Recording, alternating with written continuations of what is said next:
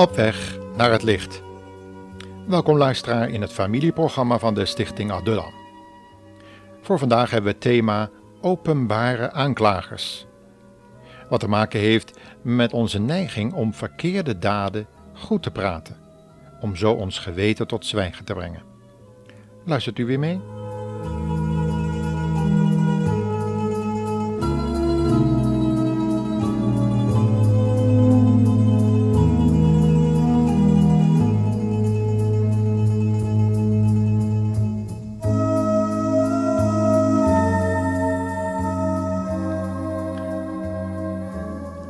We beleven met z'n allen spannende tijden. Steeds meer geweld teistert ons land en het lijkt wel of al die agressie niet meer te keren valt. In de stad beginnen de eigenaars van opslagplaatsen hun eigen beveiligingssysteem al te monteren. Wat betekent dat dieven gevaar lopen dat ze bij een inbraak het leven verliezen. Steeds meer wordt het recht in eigen hand genomen, vaak omdat politie niet genoeg mensen heeft om de binnenstad te beveiligen tegen al die toenemende inbraken en agressie. Met gifgassen en vuurwapens bewapend slaan overvallers hun slag en verdwijnen dan spoorloos. Ons eens zo rustige land dreigt door roversbenden in bezit genomen te worden. En er gaat geen dag meer voorbij, of in de kranten kunt u weer een nieuwe aanslag lezen, al of niet met wapens. Hoe lang zal het zo door kunnen gaan? Heel lang geleden vroeg een belangrijke man in de regering van koning Agab zich dat ook al af. Die man heette Obadja, een aan God toegewijde, gelovige Israëliet, die aan het hoofd van koning Agabs beveiligingsbeambten stond. Langzamerhand was het land Israël in de afgrond gegleden.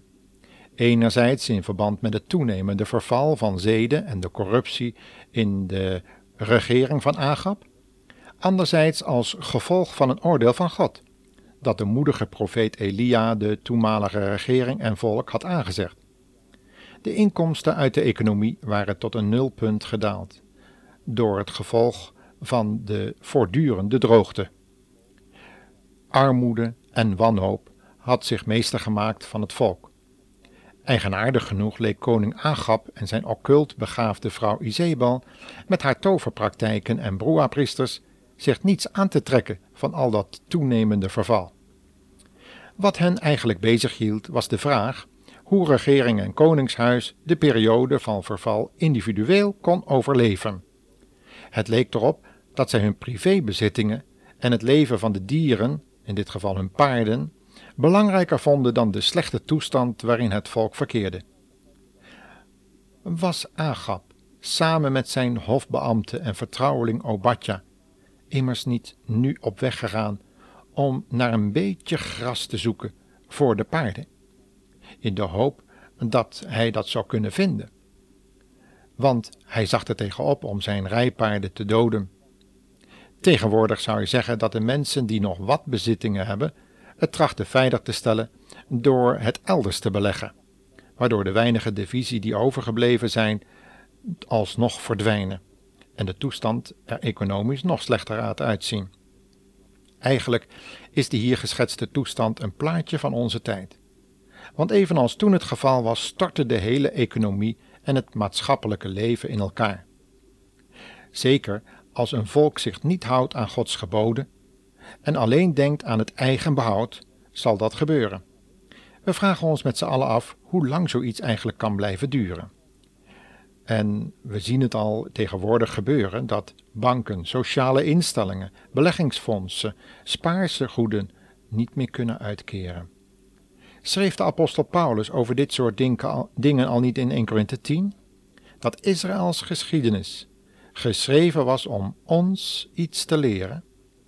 Laten we het nog eens samen lezen.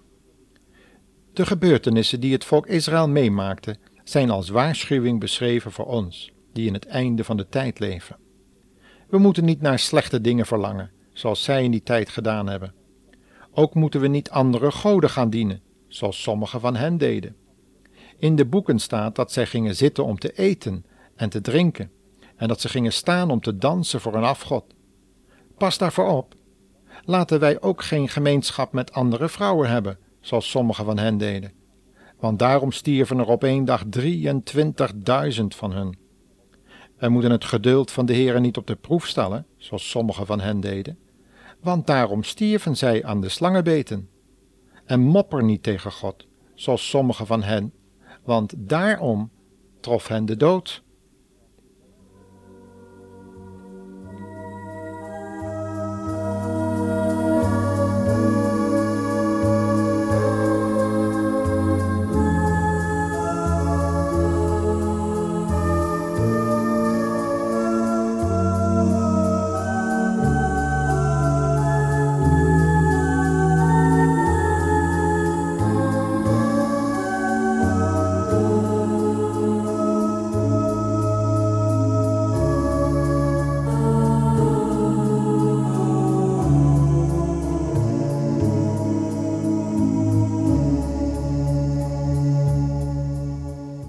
Het is niet zo moeilijk om deze woorden in onze tijd toe te passen, want de vergelijking is te duidelijk om er zomaar aan voorbij te gaan.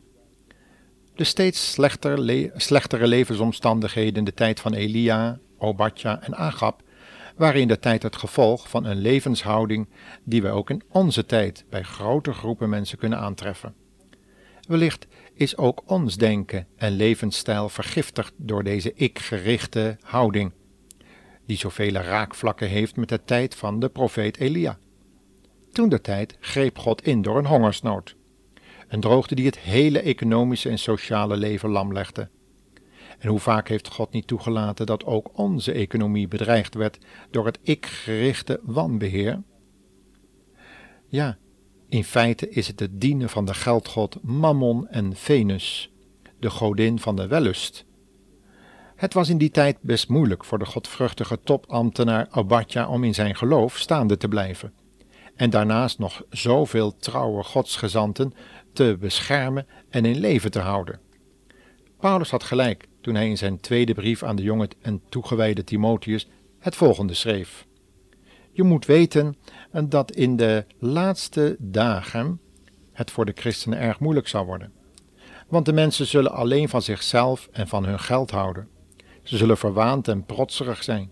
Ze zullen God belachelijk maken en hun ouders ongehoorzaam. Ze zullen ondankbaar en doren door slecht zijn. Ze zullen hatelijk, hatelijk en koppig zijn, roddelen en ruzie maken en een lage moraal hebben. Ze zullen bruut en wreed zijn en met goede mensen spotten. Ze zullen hun vrienden verraden. Ze zullen roekeloos en opgeblazen zijn en liever hun driften volgen dan God aanbidden. Ze zullen wel godsdienstig doen, maar de kern van het goede nieuws afwijzen. Ze zijn van het soort dat listig het huis van andere mensen binnendringt en vrouwen inpalmt, die zondigen en zich door hun begeerte laten beheersen. Zulke vrouwen lopen altijd achter nieuwe leraars aan, zonder ooit de waarheid te aanvaarden. En die leraars verzetten zich net zo hard tegen de waarheid als de tovenaars Jannes en Jambres zich tegen Mozes verzetten. Hun gedachten zijn onzuiver, verwrongen en verward, en ze hebben zich van het echte geloof afgewend. Maar ze kunnen daar niet altijd mee door blijven gaan. Op een dag zal hun dwaasheid aan het licht komen, net als de zonde van Jannes en Jambres in de tijd.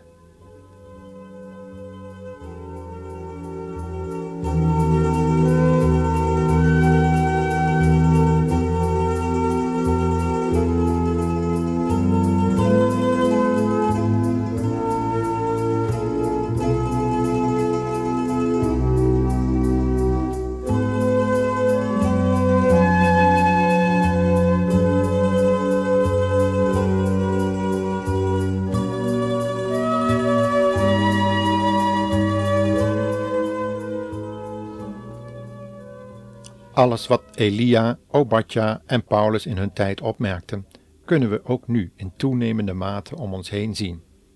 Maar nu wereldwijd. De moderne media brengt het geweld en de ikgerichtheid onze huiskamers binnen en beïnvloedt de jeugd, waardoor ze steeds minder gemotiveerd raken en asociaal beginnen te handelen, zoals Agab en zijn vrouw Izebel deden. Een van die asociale handelingen is dat er met steeds toenemende geluidssterktes allerlei radio en allerlei geluidsboxen op straat worden gezet. En of men er nu eh, van houdt of niet van houdt, Iedereen zal ervan meegenieten. En de andere kant, wanneer er ergens een christelijke gemeente is die uit volle borst liederen zingt, dan wordt de geluidscommissies ingeschakeld die dan het aantal decibels gaan berekenen. Dit is een van die asociale handelingen die we tegenwoordig kunnen vinden.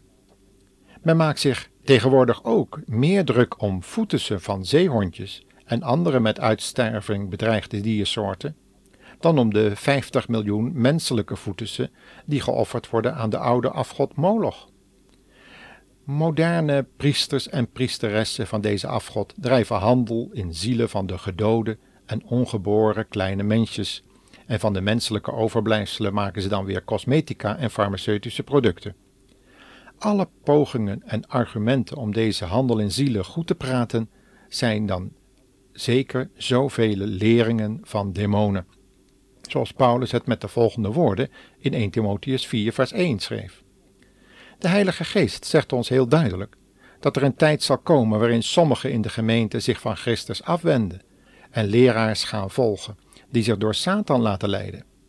Deze schijnheilige leraars vertellen leugens en hebben hun eigen geweten het zwijgen opgelegd. Ze zullen zeggen dat het niet goed is om te trouwen en dat het verkeerd is om vlees te eten. Zelfs al heeft God deze dingen gegeven, opdat goed onderwezen christenen er dankbaar van zullen genieten. Want alles wat God gemaakt heeft, is goed. En dan moet u ook horen wat in de tijd van de profeet Elia de goddeloze Agab durfde zeggen. Op zijn zoektocht naar voedsel komt hij plotseling voor de spoorloos verdwenen profeet te staan. In feite zegt hij precies datgene wat zoveel tegenwoordig durven te beweren. Namelijk dat al die ellende in de wereld komt door mensen die zich gelovigen, kinderen van God durven noemen. Toen Elia hem die blijde boodschap van Gods genade mocht aanzeggen, zei hij het volgende. U kunt het lezen in 1 Koningen 18. Zo, daar bent u dus, de man die deze ramp over Israël heeft gebracht. Waarop Elia rustig antwoordde: Niet ik heb deze ramp over Israël gebracht, maar u en uw familie, doordat zij geweigerd hebben de Heere te gehoorzamen. En in plaats van hem de Baal hebben de aanbeden. De reeds genoemde apostel Paulus, maar ook de christenen die vast willen houden aan Gods woord, de Bijbel, en er dus ook naar willen leven, hebben dezelfde ervaring als Elia. Hoor maar wat het resultaat was van de prediking van het goede nieuws dat Paulus mocht brengen.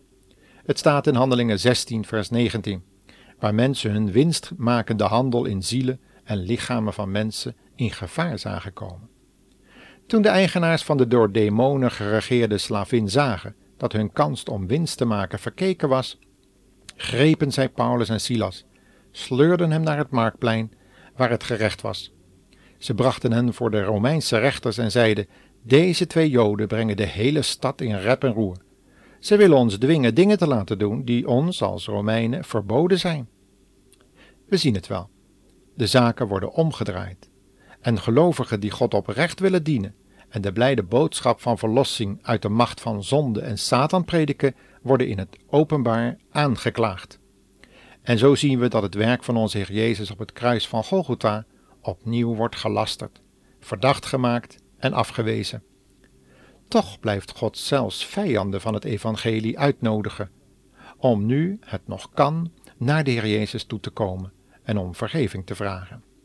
Ook door middel van deze uitzending wil God de tijd waarin wij leven vanuit zijn woord belichten. En dan alles om te kunnen wijzen naar het Lam van God, de Heer Jezus Christus. Hij stierf voor uw en mijn zonde. Neem toch die grote, genadige en liefdevolle geschenk van God aan, voor het te laat is. God roept u zijn vrede toe, om ook uw vergeving van zonde en het eeuwig leven in de Zoon aan te bieden. Kom en buig u voor Christus Jezus, voor de tijd komt dat iedereen gedwongen zal worden de knieën te buigen, maar er geen redding meer aangeboden kan worden omdat de tijd van genade voorbij is. Wanneer we bedenken dat de tijd waarin wij leven en alle dingen die we om ons heen opmerken reeds lang tevoren door profeten zijn opgetekend in Gods woord, als een teken van de komst van de Heer Jezus, dan zullen we opnieuw op de knieën gaan en ons afvragen: Heere, kan ik u zo ontmoeten God zegen u en tot de volgende uitzending.